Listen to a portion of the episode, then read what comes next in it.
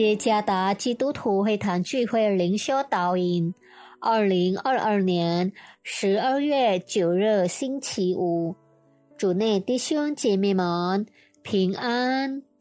今天的灵修导引，我们会借着圣经箴言第四章二十三节来思想今天的主题：要保守你的心。作者。沈天良传道真言第四章二十三节：你要保守你心，胜过保守一切，因为一生的果效是由心发出。也许你对“随从心生”这句话已经不陌生，看似简单的一句话。却给人以动力，但这句话给人的印象是：不管心里怎么说，如果看起来是积极的，就可以照着行，即使它可能与事实相反。然而，今日的世界想起的正是这种态度。可笑的是。今天的信徒也抱着同样的理解和态度。无论你面对什么，无论你必须做出什么决定，就照着心里的意念行吧。仿佛那才是决定人生方向的真理。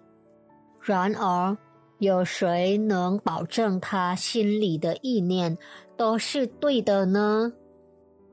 马可福音写道：“因为一切恶念都是出自人心，这说明人的心若不被真理光照，是何等可怕。”圣经指出人心的问题，好让我们知道。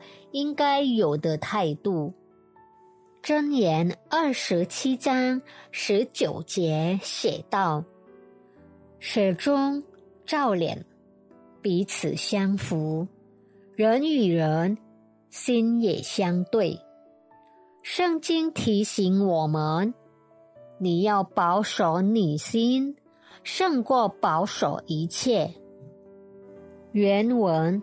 守心的意思是一个被守卫的地方，就如一个时刻警醒的守卫，看守监狱的守卫，警卫将确保适当的安全，因为稍微疏忽就可能招来灾祸。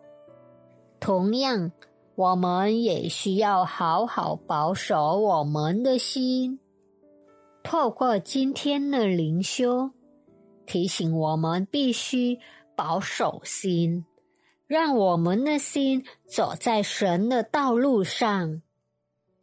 守住心需要殷勤祷告、读经、梦想神的话，专一靠主。守住心，也必须放下肉体的情欲，愿意让圣灵引导。唯有这样，我们的心才能不断被更新，我们的生活才能荣耀神。水能映容颜，人心映人性。愿上帝赐福大家。